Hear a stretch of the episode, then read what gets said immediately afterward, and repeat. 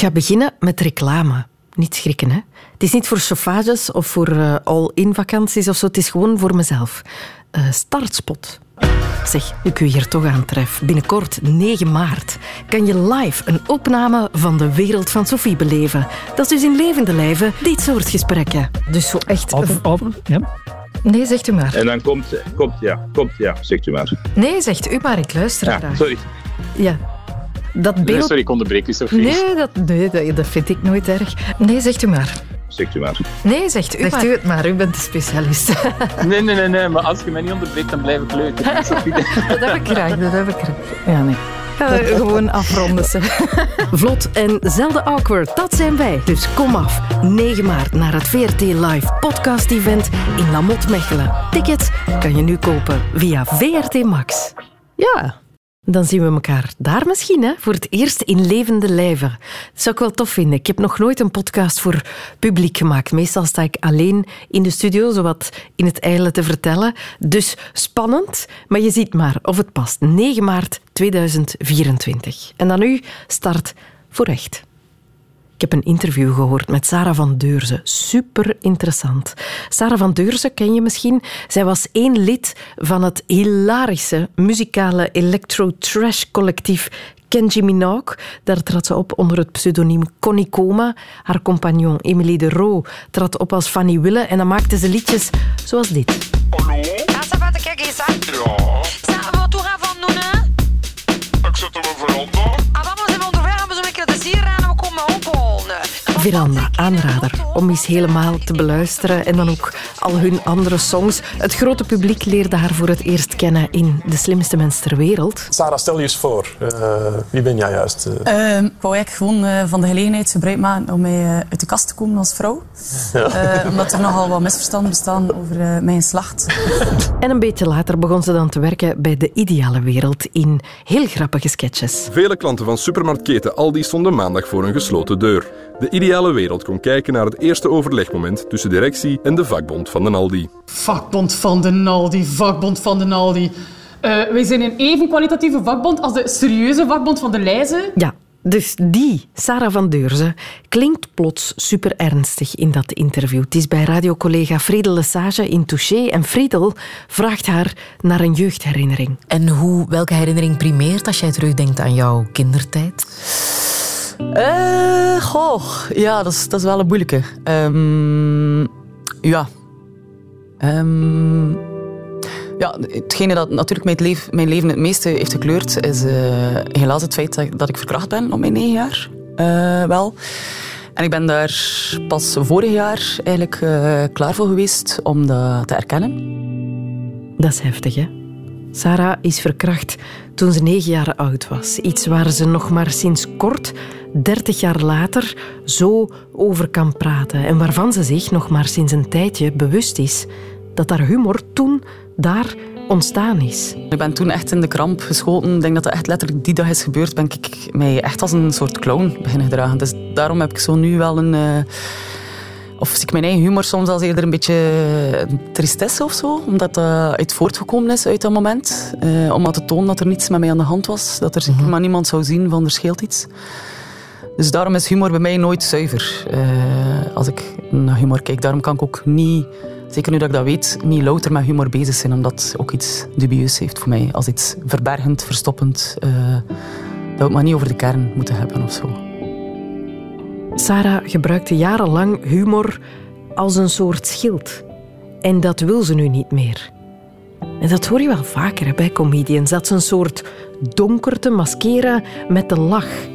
Ik wil het daar eens over hebben. Hebben wel meer grapjurken iets te verwerken? En hoe werkt die humor dan voor hen? Dus welkom in de wereld van Sophie.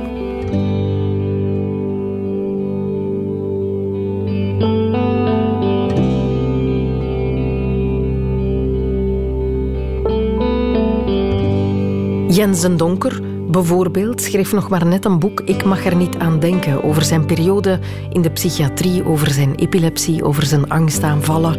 Xander de Rijke, daarvan weten we ook dat hij als kind geen veilige thuis heeft gekend, heeft hij ook al vaak over gesproken.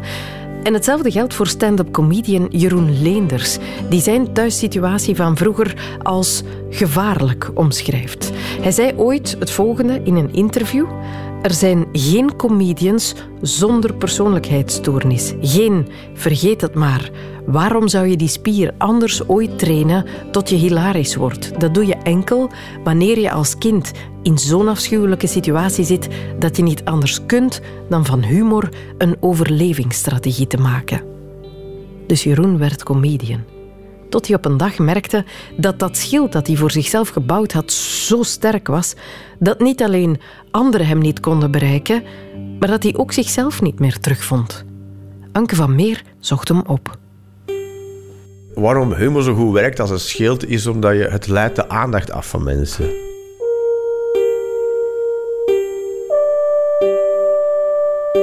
Je vertelt iets, mensen gaan lachen. En eigenlijk moeten ze dan zich gaan hergroeperen om terug naar het punt te komen. Maar eh, heel veel mensen vangen die cue wel op van ik heb liever dat je hiervan wegblijft. Dus daarom werkt dat ook zo goed. Omdat mensen uit beleefdheid denken, oké, dat is een gevoeligheid van die persoon, daar blijf ik wel van weg. Ik heb taxi gereden. Ja, daar gebruikte ik humor ook om mezelf veilig te houden. Op een heel gevaarlijke manier soms. Hè. Je, je, hebt mensen die stappen in de taxi, dan s'nachts tegen dat altijd, en dan zijn die dingen als... eh rij maar naar hier en naar daar, en eh, wat ga je doen als ik je straks zo ga overvallen? En als ik een mes trek of een pistool en ik zet het tegen de keel of tegen of wat ga je dan doen? Was mijn reactie altijd. Zeg, daar heb ik nou echt geen flauw idee van. Dus er is maar één manier om daarachter te komen. En dat werkte heel goed, dat zinnetje. Omdat dat, als je ernaar kijkt, een absurde reactie is. En dat brengt de ander van de wijs. En ik weet niet of die mensen effectief een mes of pistool bij hadden en dat echt van plan waren. Wat ik wel weet is, ik ben nooit overvallen geweest. Ik heb nooit eh, last gehad van agressie in de taxi. Ja, ik was als kind al was ik, eh, grappig, zeg maar. Mijn vader was een grapjas, dus ik eh, deed mijn vader gewoon na. Dat was, eh, ja. En op school, ik, ik ben altijd een klein kereltje geweest, met een grote mond. Dus ik moest ook vaak vechten en zo. En humor heeft me eh, heel vaak uit vechtsituaties gehaald. Of, en heel rebels ook. Ja, ik denk de enige reden waarom je zo goed wordt in één aspect van het bestaan, is omdat je dat buitensporig vaak geoefend hebt. En daarom word je zo goed in humor. Waarom zou een kind ooit zich zo uitvoerig gaan oefenen in humor als het dat niet noodzakelijk acht?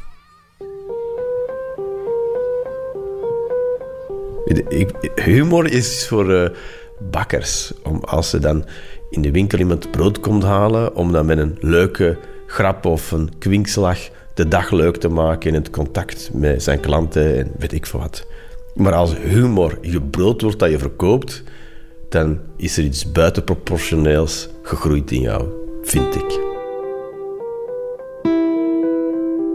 Door humor te gebruiken hoefde ik mezelf helemaal niet te laten zien. Dat was iets waar ik me achter verstopte. Maak je grapje en dan laat je de aandacht weg. Vooral weg van mij. Ja, gebrek aan eh, zelf, eigenwaarde en zelfliefde, ja, al die dingen. Ja. Dat zat mooi weggestoken achter heel veel schilden, waaronder humor. En eh, als humor ervoor zorgt dat je niet eh, de dingen adresseert in jezelf die aandacht nodig hebben, ja, dan wordt dat zelfdestructief. Ja. Zo simpel is het. Dat evolueerde tot een soort eh, hologram van mezelf waar ik zelf in ging geloven. Op een moment werd ik zelf onbereikbaar voor mezelf. Wat heel raar klinkt, maar dat is precies wat er gebeurd is. Ik kon op de duur niet meer bij mezelf bij. Dus eh, de dingen die ik voelde, daar kon ik niet meer bij. Op een of andere manier begon ik te verdwijnen of zo. Wist ik helemaal niet meer... eh, dat werd een heel vage manier van bestaan. De grootste conflict zat in het feit dat eh, ik helemaal niet afhankelijk wilde zijn van de goedkeuring van anderen, maar cabaret per definitie een en al aan elkaar hangt van de goedkeuring van het publiek. Dus je kan niet en succesvol zijn in comedy of cabaret en onafhankelijk zijn van eh, de goedkeuring van anderen. Ja, er is geen sleutelmoment of zo. Maar wel, maar wel een heel leven dat, dat ik in de prak aan het rijden was, dat wel. 2015, 2016, 2017 wordt zo'n vage blur. Toen ben ik wel gestopt met bijna alles. Ik deed enkel nog mijn eigen projectje doen in de Joker. En eh, optreden in Toomler, dat is een clubje in Amsterdam waar ik lid van ben. Voor de rest deed ik helemaal niks meer. Omdat alles wat ik deed absurd werd. Een soort paradox. Een contradictio in terminis. Dus dacht ik, ga met alles stoppen wat een tegenspreking is in mezelf. Ja, ik, ik zag eh, hoe idioot eh, humor is als het zo'n groot deel van je bestaan inneemt. Ja. Kijk, een brood verkopen is logisch. Hè? Mensen hebben brood nodig om te eten. Maar humor verkopen is hele rare raison d'être. Ik was gewoon op ramkoers. Ja. Tot er mensen rond mij begonnen te zeggen dat het wel alarmerend was en dat ik daar hulp voor moest gaan zoeken. En dan ben ik dat gaan doen. Met vallen en opstaan.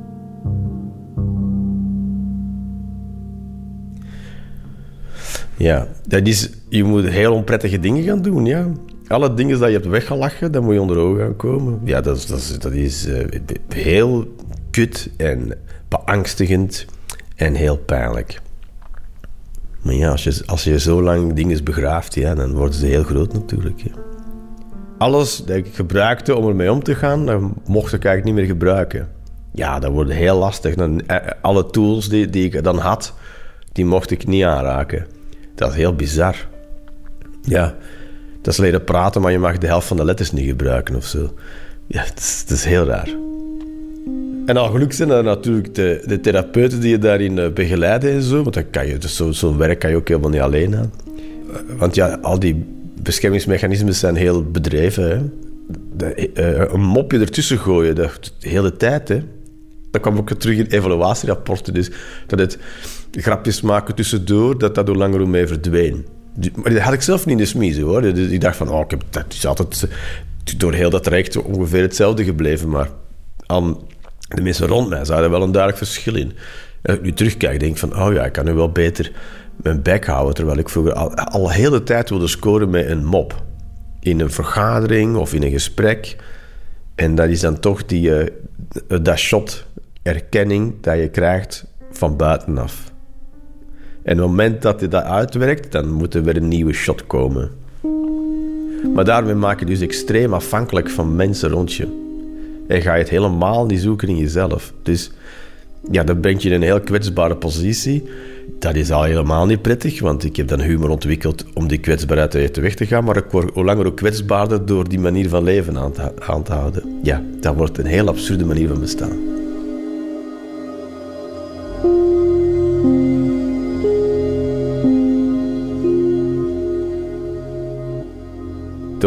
Die obstakels intern op te ruimen, komt er toch veel meer binnen. En dan krijg ik het veel meer mee. Ook de onprettige dingen. Terwijl daar was vroeger geen ruimte voor uh, in mezelf, in het ervaren van onprettige dingen.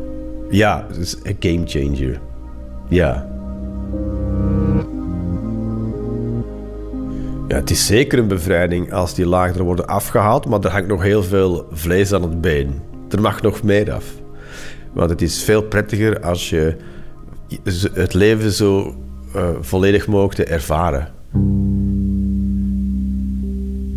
Het verdwijnen van die uh, dikke humorlaag was een voorwaarde om tot verbinding überhaupt te kunnen komen tot andere, bij andere mensen. Want op het moment dat het te spannend wordt, dan ging er een mop tussen. Uh, verbinding maakt je afhankelijk. Hè? Dus als je weigert afhankelijk te willen zijn van mensen, wat een idiote kwestie is, want je bent afhankelijk van andere mensen. Op het moment dat die verbinding ontstaat, dan moet er iets zijn dat, dat die belachelijk maakt. Dat, in dat schild. Dat schild moet dat, zorgt ervoor dat, dat je erop neer kan kijken. Het is, het is door het verdwijnen van de humor dat er ruimte is gekomen om verbinding te kunnen maken met andere mensen. En met, met mezelf eerst, hè, want zo gaat de verbinding via jezelf naar de anderen. Ik heb daardoor wel andere soorten mensen leren kennen.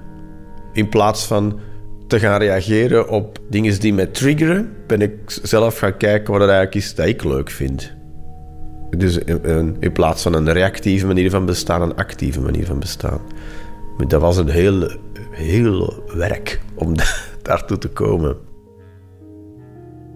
Dus het kan heel destructief zijn ook. En tegelijkertijd kan het je leven redden. Ja. Waar, waarom het ook zo moeilijk is om het op te geven. Hè? Want dat, ding dat je dan... Dat ding dat jou heel de tijd heeft veilig gehouden, dat moet je gaan opgeven. Dan moet je even in de koelkast zetten en dat gaan we nu even een tijdje niet gebruiken. Daarna mag je het terug uit de koelkast halen. Elke vezel in je lijf zegt om dat niet te doen natuurlijk. Dat is het allerslechtste idee ter wereld. Dat is waarom die hulp ook zo moeilijk is, of die hulp aanvaarden of gaan zoeken.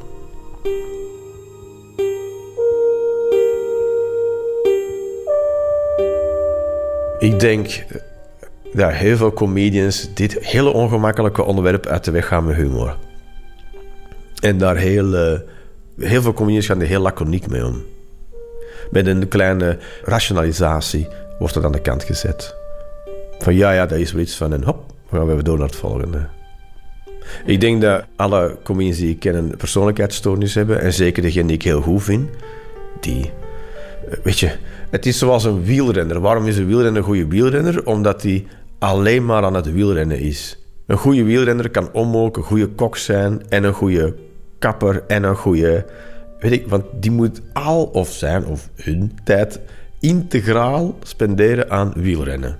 En dan word je de beste wielrenner of een heel goede wielrenner.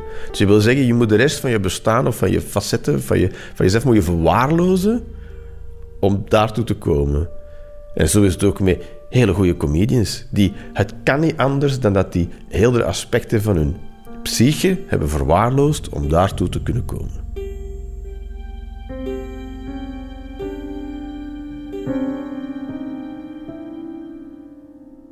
Jeroen Leenders, Sarah, Jens, Xander. Je kan uitbreiden. Hè? Robin Williams, de Amerikaanse comedian en acteur, die ging ten onder aan zijn eigen demonen, leed aan depressies, aan een alcoholverslaving. Matthew Perry, de geliefde Friends-acteur, was ook de grapjurk van de bende op het scherm, maar ook achter de schermen volgens zijn collega's. Maar moest zich ook door het leven spartelen en verschillende verslavingen overwinnen. En dan is er deze man, Rain Wilson. Dat is de acteur die Dwight speelt in de Amerikaanse versie van The Office. Beetje de sociaal aangepaste maloot. Die mocht voor zijn komisch werk op een bepaald moment een prijs in ontvangst nemen aan de University of Southern California. En dit was zijn aanvaardingsspeech. I need to be honest with you all. I truly did not want to be here speaking with you today, and I came very close to canceling. It's not that I don't love you all or I wasn't honored to be giving the baccalaureate speech. I do, and I was. It's just, I've been going through a really hard time recently on a number of different levels, and I've been feeling a little bit low, a little bit less than, a little depressed and humbled and, and lost these days. And I'm the guy who played Dwight for all those years. I'm the big, weird, goofy guy that many of you have seen on the TV. So I'm supposed to be funny. I just don't feel very funny these days. And coming here in this state and pretending to be entertaining and upbeat, well, that would just be a lie. Je hoort mensen lachen in het publiek, ook al zegt hij daar rechtuit: Ja, ik ben die goofy acteur, maar het gaat mij niet goed. Ik zou liegen mocht ik zeggen dat het wel goed ging. Nog zo'n sprekend fragment dat alweer illustreert hoeveel comedians worstelen, is er eentje van Cristela Alonso. Dat is een Amerikaanse comedienne met Mexicaanse roots. When I got money, I went to therapy. I found out I had anxiety and depression.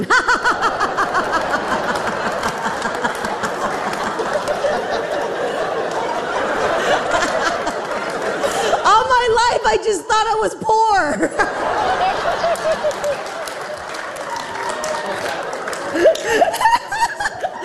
I'm like, of course I'm sad. I'm fucking hungry. No.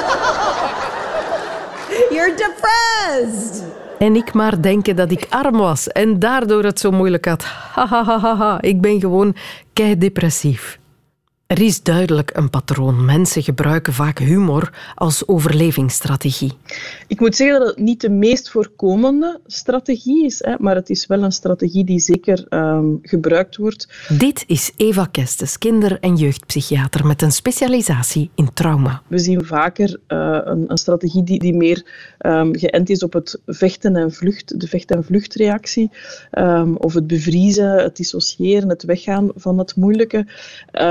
Maar ik denk dat je de, het gebruik van humor wat kan catalogiseren onder de uh, vermijdingsstrategie, het vluchten, uh, zorgen dat, uh, dat je de pijn minder voelt of dat het de moeilijke onderwerp niet besproken wordt. Um, het is een strategie die zeker meer zal gebruikt worden door de meer verbale um, kinderen en jongeren en volwassenen um, en die ook een zeer associatieve geest hebben. Dus je hebt er wel, denk ik, aanleg voor humor voor nodig om die strategie te gaan gebruiken. Ja, op welke manier kan het werken voor iemand om grappen te beginnen maken op het moment dat het eigenlijk pijn aan het doen is? Wel, ik denk dat, dat we dat allemaal kennen. Humor heeft iets heel krachtigs en, en kan ook iets heel gezond hebben.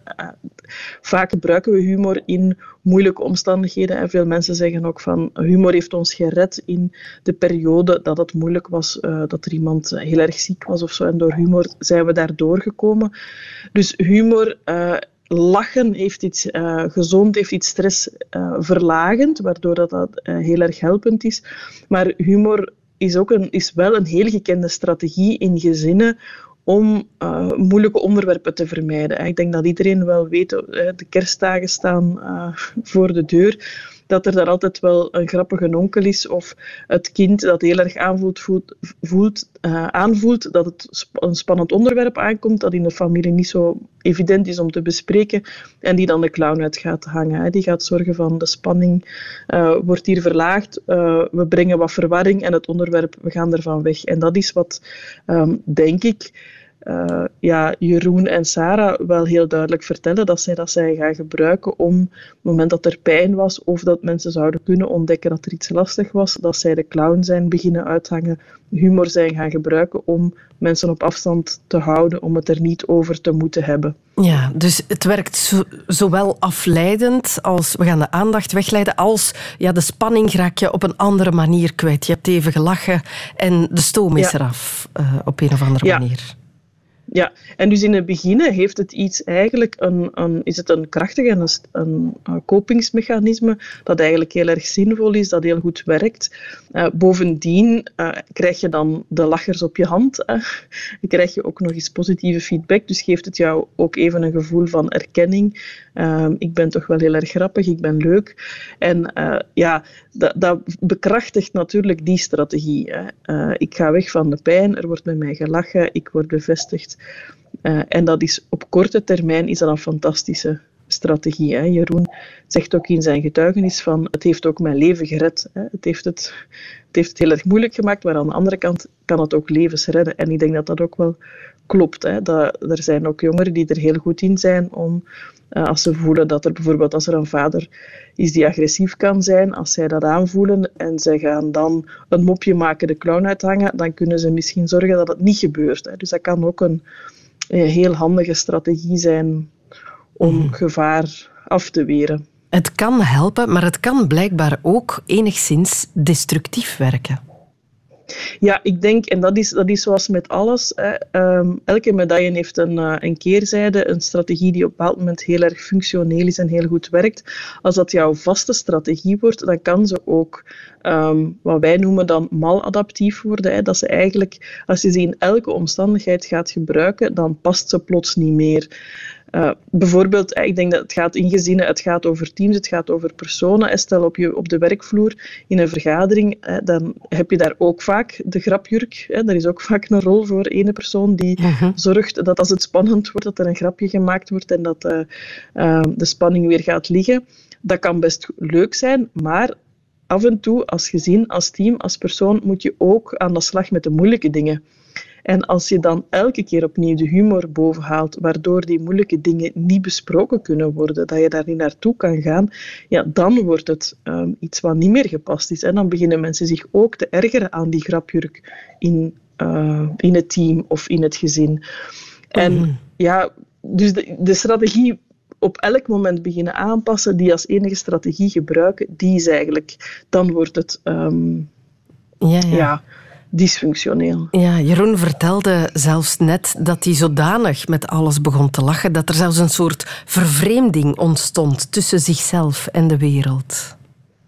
Ja, en ik denk dat dat. ehm, ja, ik denk dat je dat ook wat kan verklaren. Bijvoorbeeld, hè, stel, ehm, ja, het gaat dan vaak ook over humor, waarin dat je jezelf te kijk zet, eh, dat, er, dat je zelf gaat lachen met jezelf. Hè, wat ook een heel, vaak een heel eh, nuttige strategie is, die vaak gebruikt wordt door kinderen die gepest worden. Hè, Stel, je bent zwaarlijvig en je begint zelf al te lachen met dat jij ehm, zwaarlijvig bent, dan ben je de pesters voor en dan is iedereen bij jou aan het lachen.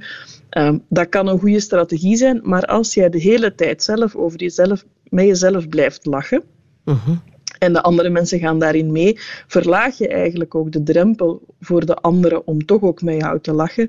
En eigenlijk ja, doe je dat dan ook vanuit een laag zelfbeeld. Van met mij mag er echt gelachen worden. En als je dat blijft doen, ja, dan kan je op den duur. Ja, dat kan je alleen maar blijven doen als je je eigen pijn niet, daar niet naartoe gaat, als je die niet wilt voelen. Uh, want als je echt gaat voelen hoe het is, dat je zelf de hele tijd te kijk zet en dat je de hele tijd mensen met jou laat lachen. En als je dat dan inderdaad als comedian op een podium doet, waarin dat je elke avond opnieuw honderden mensen jou eigenlijk laat uitlachen, ja, dan mag je niet gaan voelen hoe pijnlijk dat, dat is. Dus dan moet je een beetje vervreemden van jouw eigen pijn en jouw eigen identiteit. En ik denk dat dat is wat er... Um, wat er wat gebeurt. Hè. En als je dan toch echt gaat voelen van, wat klopt dat? Dat ik mezelf zo elke keer opnieuw te kijk zet, op zo elke avond uh, opnieuw, ja, dat, um, ja. dan voel je jezelf niet meer. Hè. Je eigen waarde, waar je af en toe toch een grens moet geven. Ja, het is oké okay om af en toe met jezelf te lachen. Zelfrelativering is zeker ook iets gezond. Maar je moet ook af en toe kunnen zeggen, ik vind het echt niet leuk. Nu moet je stoppen. Er is een kantelpunt. Ja. Jeroen ja. Leenders uh, stelt in Humo dat nagenoeg elke comedian een persoonlijkheidsstoornis heeft. Zou dat kunnen? Dat, ja, dat je pas een echte comedian wordt als je ergens iets te verwerken hebt? Eh, ik vind dat een, een gevaarlijke uitspraak. Zeker een persoonlijkheidsstoornis. Eh, niet iedereen die een trauma heeft meegemaakt, heeft een persoonlijkheidsstoornis. Dat, is, um, dat vind ik een sterke diagnose. Um, ik denk wel dat iedereen die dat als job doet, um, geleerd heeft dat humor een manier is om met moeilijke dingen om te gaan. en daar zit misschien wel ergens een pijn achter. Maar ik denk niet dat iedereen die trauma heeft meegemaakt, wordt een comedian. En ik denk ook niet dat iedere comedian um, uh, per se een trauma moet hebben meegemaakt. Ik denk dat ook de vorm van de humor die je gebruikt, daarin um, ja, bepalend is of zo. Iemand die heel veel met, rond politiek uh, humor maakt, zal, um, daar zal minder op een trauma onder zitten dan iemand die zichzelf de hele tijd onderuit haalt. Ja, ja, ja. Sarah uh, besliste op een bepaald moment dat al die humor haar niet meer hielp. Integendeel, dat ze met haar trauma aan de slag moest. Is dat iets wat ja, zij die dan humor als strategie gaan gebruiken op een dag onvermijdelijk zullen moeten doen? Even dat trauma in de ogen kijken? Ik wens iedereen die trauma heeft meegemaakt toe dat hij op een bepaald moment de moed vindt om daarmee aan de slag te gaan. Los, of dat humor, uh, los van het feit of dat humor jouw strategie is om ermee om te gaan.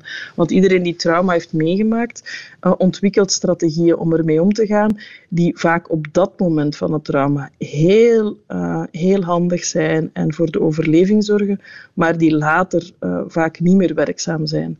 En of het nu humor is of iets anders, um, is het altijd goed om daar toch mee aan de slag te gaan. Dus ik, uh, en ik vind het heel moedig wat Sarah gedaan heeft en ook haar getuigenis vind ik heel straf. En net zoals voor Jeroen Leenders, hè, en je hoort bij beide hoeveel deugd het hen gedaan heeft. En ik vind het jammer dat um, nog zoveel volwassenen zo lang moeten wachten voor ze ermee aan de slag durven gaan. Inderdaad. En het is aan ons als hulpverleners en als maatschappij om die drempel te verlagen en uh, hen goed te ondersteunen, want het is wel een, um, ja, geen simpele opdracht. En dat hoor je ook aan hun beide getuigenis. Hè, dat, dat, ze wel, uh, dat, het, dat je wel even door een zware periode moet als je ermee aan de slag wil gaan. Ja. Dus het vraagt wel wat moed, maar ik wens iedereen het toe om het te doen, want uh, achteraf kan je, kan je leven zoveel rijker zijn. Wijze woorden van kinder- en jeugdpsychiater Eva Kestes. Weet je aan wie ik moest denken toen ze aan het vertellen was? Aan de Australische comedienne Hannah Gatsby, die in haar show Nanette net dat zelfdestructieve kantje van haar humor beschrijft. Hannah Gatsby beschouwt zichzelf als een buitenbeentje. Ze heeft niet de perfecte maten. Ze is niet het vrouwelijkste type. Ze is lesbisch en heel veel van haar humor is daar jarenlang op gebaseerd geweest. Op lachen met zichzelf. En ineens zegt ze in het midden van haar zaalshow: genoeg. I, I do think I have to quit comedy though. In seriously, uh, and it's probably not the forum to make such an announcement, is it? um, in the middle of a comedy show, but I have been questioning, you know, this whole comedy thing. I don't, I don't feel very comfortable in it anymore. I've built a career out of self-deprecating humour. That's what I've built my career on, and I don't want to do that anymore. Because do you understand? do you understand what self deprecation means when it comes from somebody who already exists in the margins? It's not humility, it's humiliation. I put myself down in order to speak, in order to seek permission to speak. And I simply will not do that anymore, not to myself or anybody who identifies with me. Sterk momentje in een zeer sterke show. Waar achteraf trouwens nog veel over gediscussieerd is onder humoristen onderling. Is dit nog wel comedy? Dit soort openhartige speeches? Want dat doen we tegenwoordig al wel eens. Hè? Discussiëren over wat grappig is en wat niet kwam ook ter sprake toen ik afsprak met humorspecialist professor Kurt Feijaerts, professor taalkunde aan de KU Leuven en KULAK in Kortrijk.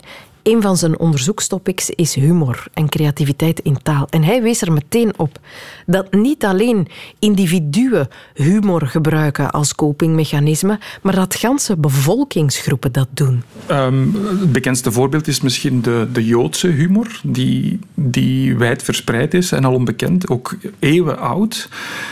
En dat heeft er natuurlijk wel heel veel mee te maken dat de, de Joden doorheen de geschiedenis eh, met heel veel tegenkanting hebben te maken gekregen, zijn vervolgd, eh, in ghetto's samengedreven enzovoort. En dan zie je dat dat eigenlijk voor een groot stuk ook wel een, een, uh, een, een, grote verklaring biedt voor de, het succes en de, de grote de, de, de, ja, de verspreidheid van, van de Joodse humor als een, als een copingmechanisme, ook als een uitlaatklep die zij gebruikt hebben. Ja, ja, ja. En, eh, dan als een soort van uitlaatklep voor de druk die de groep mm -hmm. ervaart. Ja, als een, als een mechanisme zeg maar, van, van zelfbehoud om grotendeels ook door zelfspot de, de impact van, van de haat, van, van de antisemitische houdingen, om die te verkleinen. En je ziet dat zelfs tot in de meest donkere dagen van, van, van de Joodse gemeenschap, zal ik maar zeggen, tijdens de Holocaust. Uh, dat zelfs daar ook cabaret, uh, satirische, ironische cabaretuitvoeringen gebracht werden. En dat zij daar ook hun, hun verlichting in, in zochten, hun, hun, uh, ja, hun troost, zeg maar. In de kampen zelf was ruimte of werd ruimte gecreëerd voor humor? Ja, in de kampen, maar voordien ook al in het ghetto van Berlijn bijvoorbeeld. Dat is goed geattesteerd in, in, zeven, in 1937. Allemaal wel onder bewaking van Gestapo en onder controle van het, het Rijkscultuurministerie streefde men er toch naar om een, om een cabaret op te richten. Dat was Erik, Erik Lowinski die een cabaret oprichtte. Maar dat toont vooral aan welke nood men had aan die uitlaatklep. Uh -huh. Oké, okay, die teksten stonden onder censuur, maar toch het feit dat men even kon ontsnappen aan die erge werkelijkheid, dat uh, was tekenend. En inderdaad ook uit een aantal kampen, uit Theresienstadt, maar ook Buchenwald en, en Dachau, uh, ook uit Westerbork zijn mondelinge en schriftelijke um, uh, teksten overgeleverd die, die, uh, ja, als, als satirisch, zelfspottend, ironisch kunt, kunt plaatsen. En dan, Ja. en dan zie je dat eigenlijk dat mechanisme aan het werk op een, op een groter, op een hoger niveau dan het, dan het individu. Ja, het zal misschien ook zo bijdragen aan een soort groepsvorming. Wij hier samen, wij lachen om dezelfde dingen. Ja. Dat wat ons samen overkomt. Precies. Men noemt dat ook wel ook eens de superioriteitstheorieën van, of de superioriteitsmodellen van, van humor. Waarbij inderdaad je, in de lach zit altijd een dubbele richting. Hè. Het is de, de lach van de inclusie en de- tegelijk ook de lach van de exclusie. De mensen die samen lachen poneren zichzelf als een geheel, als een maatschappij, als een groep. En zij lachen met anderen. Tenminste, als het gaat om humor die gericht is op, eh, op andere personen. En dan krijg je dus ook ja, dat kwalijke stereotypes, hè, de regionale, sociale stereotypes. Het, Ja, ja, het ja. wij- en zij-verhaal. Ja, ja die maar. worden daarin geboren. Mhm. Geldt dat bijvoorbeeld ook voor eh, de Britse humor?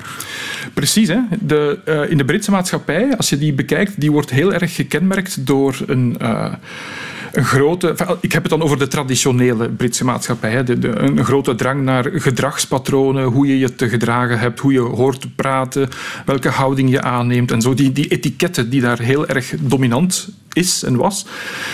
En die natuurlijk ook een grote druk creëert binnen de maatschappij en tegelijkertijd eh, de ideale voedingsbodem vormt voor, om, om, om, ja, voor allerlei stromingen, om, in pogingen om daaraan te ontsnappen. En, en die voorbeelden kennen we allemaal. Als we denken aan Monty Python, Blackadder, Little Britain. Eh, Je kunt dat ook projecteren naar de Duitse maatschappij. Daarmee zijn wij minder vertrouwd, maar ook daar die militaristisch-burgerlijke beregeling van, van gründlichkeit enzovoort heeft ook daar eh, de ideale voedingsbodem gecreëerd voor een, een bloeiende politieke satire tijdens de hele 20e eeuw en nu nog steeds. Ja, ja. En zo verraadt de humor die je Mhm. maakt iets over de miserie waaronder je te lijden hebt soms. Ja, de miserie in het ergste geval van, van de Joodse humor inderdaad, of, de- of het overdreven dominante patroon dat je in een maatschappij waarneemt. Toen, toen ik in de lagere school zat en in het middelbaar, waren er moppen en grappen over nonnetjes en patertjes, omdat de kerk ook zo dominant was. En, en, en seksuele humor was toen ook dominant. Ondertussen zijn we een aantal eh eh, me God vergeten reportages verder, zal ik maar zeggen. En is de Mhm. rol van de kerk ook binnen de maatschappij heel erg afgenomen. Eh, om, niet, om niet te zeggen verkleind. En, en dan merk je ook dat dat helemaal geen aanleiding meer geeft tot, tot, eh, tot humor. De Ja, ja. seksuele ontvoogding heeft ook daar geleid. Ja, wat zullen we nog eens grappen maken over, over seksualiteit? Snap je? Dus Ja, ja, Mhm. de pastoorkesmoppen die, die komen niet meer zo aan. nee, nee, nee. Inderdaad. Ja. Is omgekeerd, kom je dan in een plek waar veel vrijheid is, in democratische samenlevingen, Mhm. kom je dan minder humor tegen?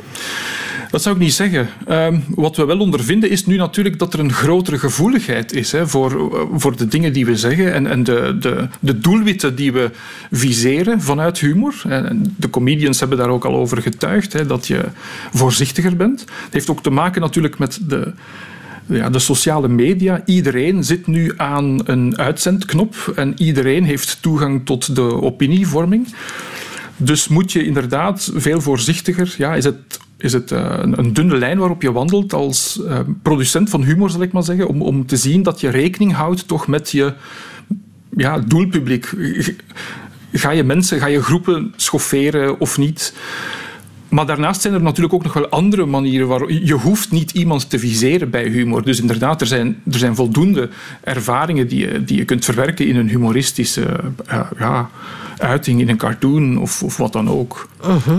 Zou je het ook kunnen zeggen dat, want we leven in wat men dan een individualistische samenleving eh, noemt, dat, je daar, dat daar ook meer individueel bepaald wordt wat grappig is en wat niet grappig is tegelijk? Ja, individueel bepaald. Of ehm, we hebben geen kanon meer. Hè. We hebben geen, eh, geen eenheidscultuur meer. Want als ik het daarnet had over de Britse en de Duitse cultuur, en die bestaat niet meer. Hè. Er zijn nu zoveel verschillende culturen, waardoor het ook moeilijk wordt om ja, met iedereen of om met zoveel groepen rekening te houden. En dat is dan de afweging die je maakt. En, maar dat laat ons ook precies zien, dan spreek ik als taalkundige, dat, dat betekenis, dat betekenis echt niet zomaar iets is, een, geen proces is dat je creëert vanuit een individu en dat maar de wereld instuurt en hoopt dat iedereen snapt wat je bedoelt. maar wel degelijk een, een intersubjectief proces. Voortdurend houden wij rekening met, met, uh, met wie we, tot wie we ons richten, met wie we aan het praten zijn. Ik praat thuis anders aan de keukentafel dan ik voor een aula studenten praat. En en je hoeft dat geen zelfcensuur te noemen, maar dat is net die essentie van dat, dat intersubjectieve dat voortdurend op en neer gaat. Dat is... Uh, ja, ja. Dat, dat, ja. Voortdurend in beweging. Ja, precies. En dat is moeilijk, dat is moeilijk maar dat, dat laat ons wel... Uh, ja, dat zet ons aan om, om, om te reflecteren over de dingen die we zeggen uh, en tot wie we ze zeggen en wie we eventueel schofferen en, en met wie we eventueel rekening moeten houden op, ja, op risico van, van gesanctioneerd te worden. Hè. Dat is, uh... Ja, dat is iets wat je vandaag de dag wel vaker merkt, dat humor lijkt tegen een, een, aantal grenzen op te botsen of mm -hmm. grenzen opgelegd krijgt. Van dit mag niet meer, dit kunnen we niet meer, dit uh, is te gevoelig. Ja. Is dat ook uw indruk, dat, me, dat we strenger zijn voor de humor? Dat is zo. Dat is zo. Misschien, ja, misschien komt die strenge reactie wat meer tot uiting net door uh, onder andere sociale media. Ze worden nu meteen ook uh, in, in publiekelijk verspreid, terwijl dat vroeger veel minder het geval was. Um, maar dat is de essentie, denk ik, van, van dat proces van, van betekenisvorming. Ik denk, ik denk nu, we kennen allemaal de, de tragische gebeurtenissen bij Charlie Hebdo. De, Mhm. de, de, de, Terroristische de terroristische aanslag in op de redactie, 2015 op de redactie. Er is een heel boeiende, op YouTube te vinden, een heel boeiende documentaire die in 2006 gedraaid is. Over de, precies over de redactievergadering waarop gepraat werd, nagedacht werd over de, de cover van Charlie Hebdo. En dat was die, dat was, die Mohammed-cartoon. En wat je daar ziet is... Het is mislukt, zou je kunnen zeggen. Maar wat je daar ziet in die reportage is dat dat een redactievergadering was van een hele dag, waarbij al die tekenaars, uh, satirici, uh, een, een, dag lang hebben nagedacht over een cartoon die wat hen betreft aanvaardbaar was. Oké, okay, ze hebben zich misrekend, maar goed. Een cartoon die aanvaardbaar was en die ook wel zou rekening houden met de gevoeligheden van de moslimwereld. Dus je ziet hen dan afwegingen maken van ja, hier bedekt uh, Mohammed toch voor een groot deel zijn gelaat, waardoor we het niet helemaal tonen enzovoort.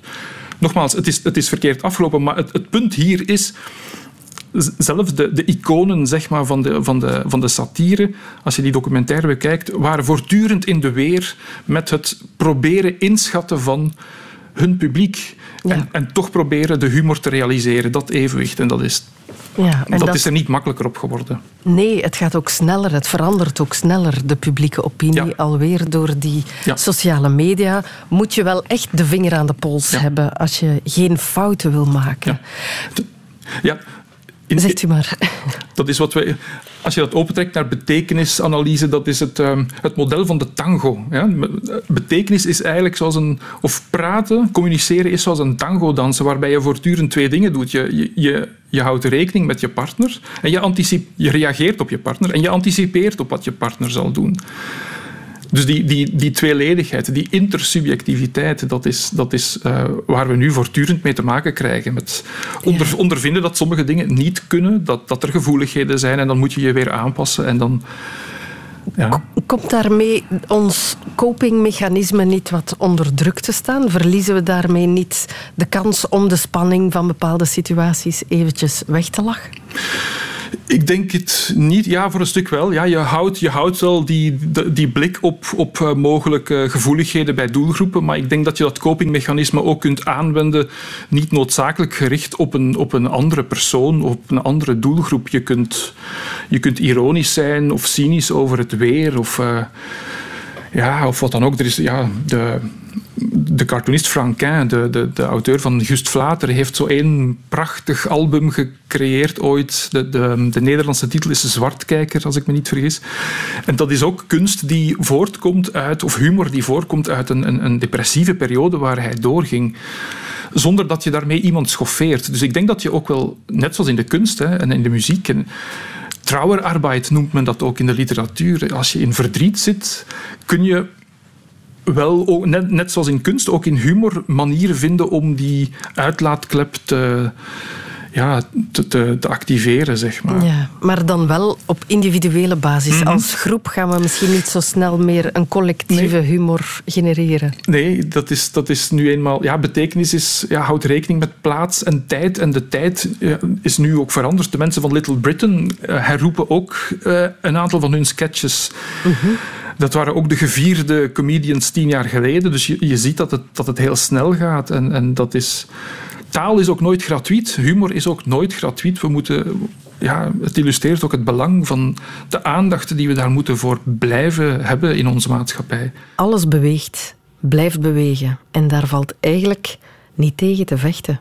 We kunnen gewoon zoetjes meebewegen. En af en toe eens goed lachen.